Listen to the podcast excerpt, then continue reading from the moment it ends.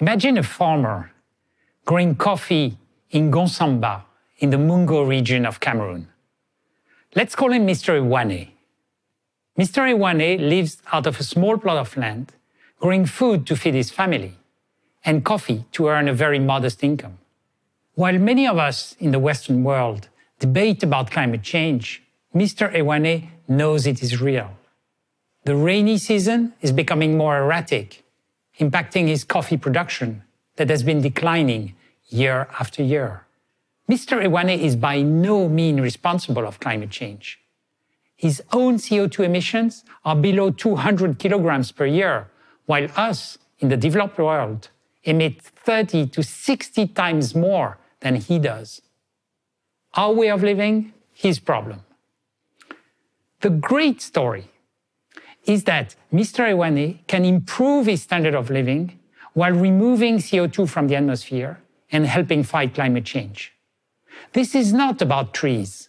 It's much smaller. Sounds interesting? Well, bear with me. In order to fight climate change, we need to reduce like crazy our greenhouse gas emissions. Halving in the next 10 years the 50 billion tons that we emit annually, and then aiming to halve again in the following decade. While reduction is needed, it will not be enough to get us to zero emission. That is needed to stabilize climate.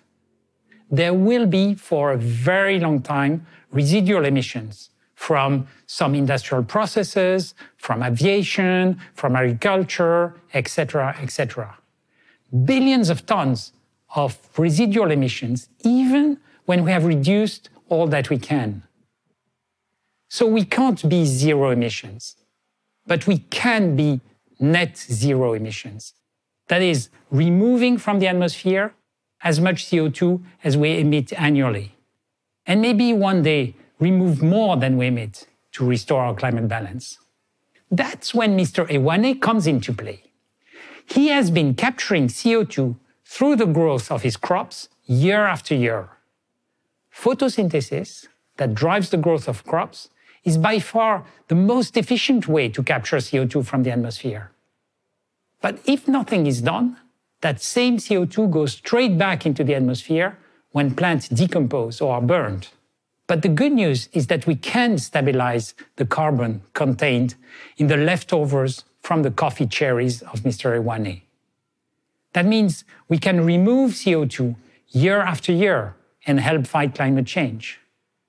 And what if that same technology would allow Mr. Ewane to improve the productivity of his fields, hence his standard of living? Now you start to see the opportunity. It's called biochar. Let me say right away that biochar is by no means a magic wand that will take us out of the climate crisis.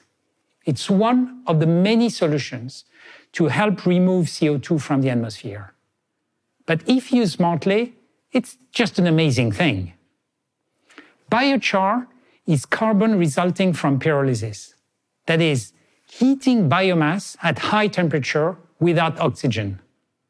Any kind of plant based dry biomass contains about half of its weight in the form of carbon. And it is this carbon that is extracted and stabilized to create biochar. Biochar is essentially carbon that was captured from the atmosphere by plants and transformed into a very stable form of carbon. It looks like charcoal powder. The first amazing property of biochar is that it remains stable for hundreds of years, even if put in the soil where biomass would normally degrade. Think about it. The CO2 captured by plants through photosynthesis and converted into biochar stays in the soil and so stays away from the atmosphere for hundreds of years. So we have a carbon removal solution. And this is good for the climate. The second amazing property of biochar is that when mixed with topsoils, it improves the soil quality, hence crop yields. This is especially true for poor, dry, and acidic soils that lacks nutrients. Putting carbon in the soil has been known empirically for hundreds of years. as a way to improve soil quality. It was used in some parts of Amazonia prior to the arrival of Europeans, and it's still used today in some part of Asia. Biochar's effects on soil comes from its microstructure. When magnified, biochar looks like a carbon sponge with hundreds of square meters of surface per gram of biochar. This ultra-porous structure helps retain water and nutrients. Biochar also favors the development of microbial life into the soil that is most needed for plants to absorb nutrients. And last, given its high pH, biochar helps counter the negative effects of soil acidity. Using biochar allows to reduce or even eliminate the need for fertilizers, cutting costs for farmers and helping the environment. And the great thing is that given its stability, biochar needs to be applied just once and its effects last for decades. And then there's a bonus. The production process of biochar generates flammable gases. Part of those gases are used to heat the reactor where biochar is produced. And the remaining gases can be used to generate renewable heat or electricity. So not only the production process of biochar is self-sustained, but it is a source of additional renewable energy. Quite incredible. So we have this amazing product that is a climate solution, an agricultural solution, and a renewable energy solution. And now you start to wonder, how come this biochar thing he's been talking about is not widely used all over the place? What's the problem? Well, the answer is plain and simple. Costs. Most biochar produced in the last years had to be sold at prices as high as $1,000 per ton to cover production costs. That made biochar uneconomical for most usages. And so, despite its wonderful property, it has remained a niche product. But things started to change in the last couple of years. The recognition of climate change started to shift our behaviors, leading companies and states to commit to net zero trajectories. Some innovative companies committed to an accelerated net zero trajectory, started to buy at high price biochar-based carbon credits for their long-term CO2 removal effects. That changed the economics of biochar, as all of a sudden the climate benefits of biochar could help subsidize its agricultural usage.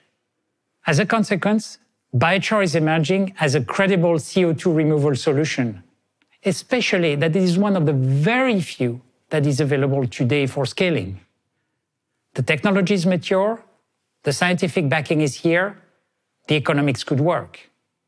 And the potential is huge. In Africa alone, we estimate that half a billion ton of agricultural residues are available to produce biochar. That means about the same amount of CO2 being removed every year from the atmosphere. And there are many more billion tons in the rest of the world. So let's make biochar a solution at scale. For this, we need three things. One, access to biomass. Biochar production requires large quantity of dry biomass, ideally sourced close to the production facilities to avoid transportation costs and emissions. It needs to be residual biomass, so it does not require additional land to grow it. Most biochar companies today use wood residues like sawdusts or branches to produce biochar. But many alternatives exist, in particular agricultural residues. Two, we need super efficient 24 7 production systems. The technology exists, but there's still room for improvement. And three, we need to encourage farmers to use biochar so that they can reduce the usage of fertilizers and improve crop yields Many companies, as we speak, are developing biochar based business in a variety of geographies and with a variety of feedstocks. I co founded one of them. We focus on tropical developing countries. Biomass is super abundant there. in the form of agricultural residues. We used an optimized production model with easy to operate mid-sized production plants where the pyrolysis reactor looks like a tank wagon. Soils in the tropics are generally poor and acidic, hence benefit the most from the addition of biochar. And last, energy generation is most needed in rural areas of developing countries, where very often less than 25% of the people have access to electricity. That's how we go back to Mr. Ewane.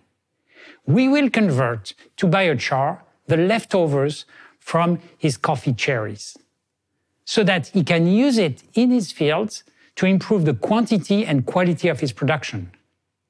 Mr. Ewane will be able to afford the biochar, given that it will be highly subsidized by the related carbon credits.